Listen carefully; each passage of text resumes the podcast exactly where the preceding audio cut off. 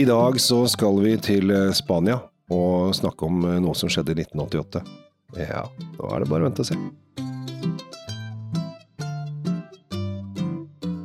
Hei og hjertelig velkommen til dagens eh, episode.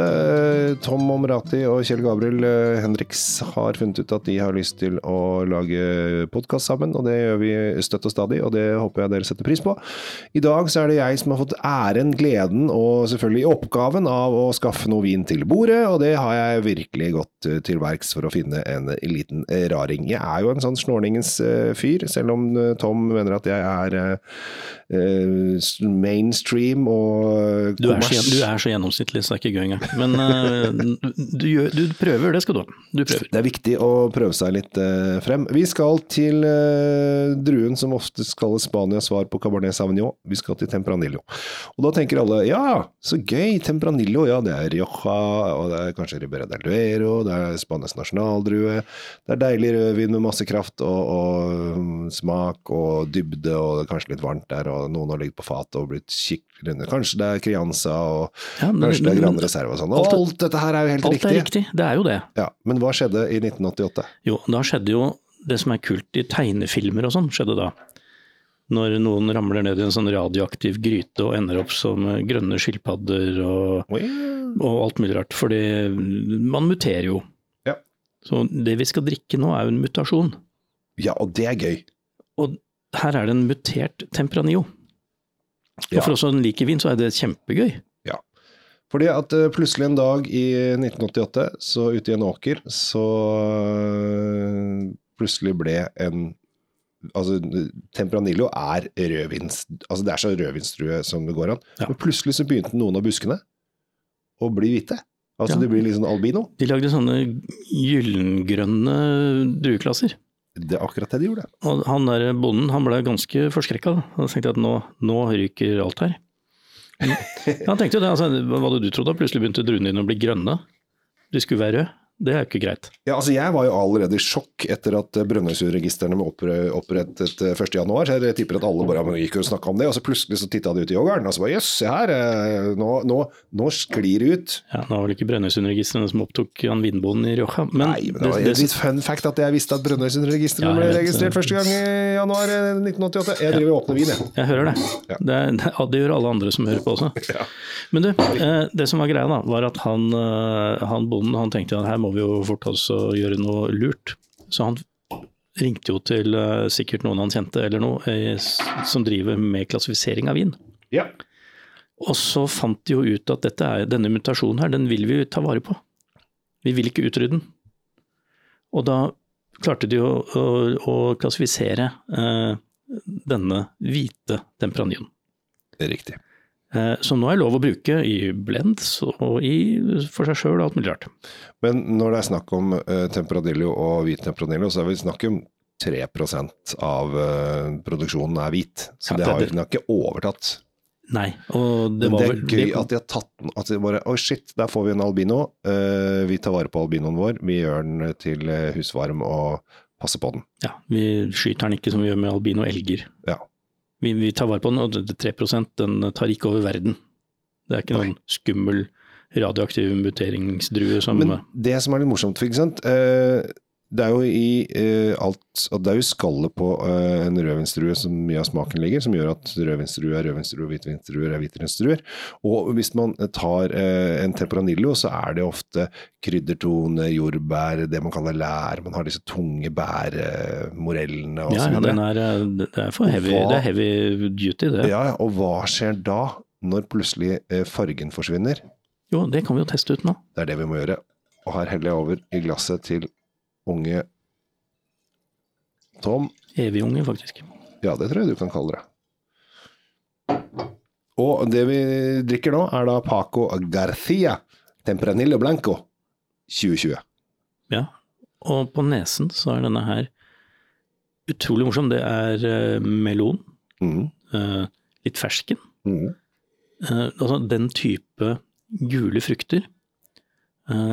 og litt sånn noe urter, ikke, jeg vil ikke si krydder, men sånn urtetoner som ligger eh, bak her. Yes. Og til sammen så blir det et bilde av en Å, jeg får så lyst til å dra til Spania igjen nå. ja, jeg får litt sånn eh, hvit fersken, hvite blomster, hvit sitrus, øh, og så er det Dette er det som jeg syns er gøy, da. For det, det er jo ikke noe røde, mørke bær og altså, det, det, er helt borte. Det, er- det, det, det, sånn, det kunne vært igjen noe, da, liksom. Men det er jo dette skallet som lager smaken. Ja, og selv om skal jeg, Nå skal jeg smake, og skal jeg be- bevise en teori jeg ikke har lagt fram ennå. Ja, og jeg gleder meg til å høre både teorier og selvfølgelig at du nyter litt av disse For dette her eh, tok jo med Jeg har smakt den før, jeg tok jo med det fordi dette er gøy. Veldig gøy. Ja. Det som er kult, er at den har en litt sånn fin snerp, som vi vanligvis forbinder med veldig tanninrike viner. Temperani er jo en sånn type drue. Og den har beholdt, denne hvite mutasjonen har beholdt en del av tanninene. Mm. Og det, det kjenner du veldig tydelig. Du får denne lille snerpen, denne uttørkingen, som er veldig, veldig typisk, men som man ofte ikke tenker på er i hvite viner. De fleste viner som har hatt skallkontakt har tanniner, men noen er bare borte, vi, vi tenker ikke på dem. Men denne har det. Hvis du kjenner etter, så har den det. Ja, den er sånn, ja, så den er rett og slett tørr. Den er litt tørr, den, den tanninen hjelper til med å tørre ut, i tillegg til at den, den, det er jo ikke mye sukker i dette her i det hele tatt, og den har en veldig fin balansert frukt-syre-ratio, for å bruke det uttrykket. Eh, Frukten er der. Eh, Mye av den gylne frukten, de gule fruktene, er med inn i smaken, men den blander seg veldig med syren og med disse tanninene, og det, helheten her er jo bare dritkul. Mm. Rett og slett dritkul. Og det som er litt morsomt der også, er at uh, halvparten av denne vinen har ligget på eikefat. Og det, men det merker man ikke så mye. Du kan Altså- kjenne en hint av vanilje, men det er ikke mye. Ja, den, men, og det passer så bra med sant, denne rødvinsteorien, da.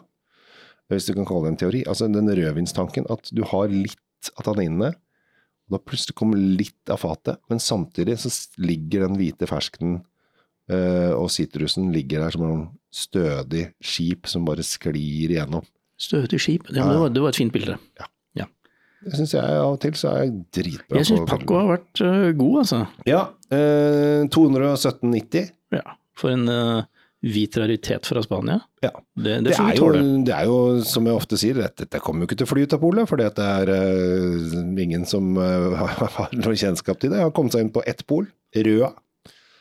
Ja, da kan vi jo snakke til de øh, som hører på nå som er i området Røa. Dere får tusle opp på polet og se om det er noe Paco Garcia igjen øh, oppå der. Ja, eh, og det som er litt morsomt med, med Røa-polet, er at han er jo kjent, han som er eh, daglig leder på Røa, er jo kjent for å dra inn litt, eh, litt annerledes viner og gi eh, publikummet en liten ekstra opplevelse. Og det er det også Pol skal få skryt. Det fins så mange entusiaster rundt på forskjellige pol som tar inn viner de bare Jøss, dette her må vi få gjort noe med. Eh, Men de er eh, små egne små småpaver som sitter rundt og, og, og holder på på egen hånd. Eh, For de har jo ikke lov til å samarbeide, at nå skal vi få Paco på toppen. Men de tar inn litt her og snakker til sine faste kunder. Og så eh, Hvit Tempranillo, dette må du prøve. Hvis ikke så kan du bare bestille den, da. Ja, ja, hvis du ikke bor i nærheten av Røa, så må du, det er jo litt Så fint er det ikke på Røa. Men de har fått nytt øh, de- flytta polet inn på det nye senteret. Det er den, ganske- ja. Er en stund siden jeg har vært på Røa, kjenner jeg. ja, det, jeg har vært der én gang, så, men vi skal alltid skryte av at de har fått bygd litt på Vi skryter av de som tar inn Paco. Eh, Da runder vi av med å si at, veit du hva, den hvite hvite Temperania Ja. Bianco, er, er verdt det, altså. Rett og slett. Jeg, jeg syns det er så hyggelig at jeg, jeg føler at jeg tar til meg skryten. at Du får ta alt du får. Ja. Alt du får. Det er ikke alltid Det er, så, det, det, er jo ikke alle episoder vi legger ut, nettopp fordi vi er ikke enige. Nei. Det er, mye, det er også mye slåssing, og av og til avgjøres det med håndbak. Men ikke i dag. Nei. I dag så er det Paco Garcia Tempranillo Blanco 2020. 218 kroner, kan vi si. Som fins på Rødpolet. Ellers er det lett å bestille. Jeg heter Kjell Gabrielnix. Tusen takk for at du lytter. Tom Amirati Løvaas, og igjen takk for at du lytter, og følg eh, Drinkfeed og Kjell Svinkjeller hvor enn du kan.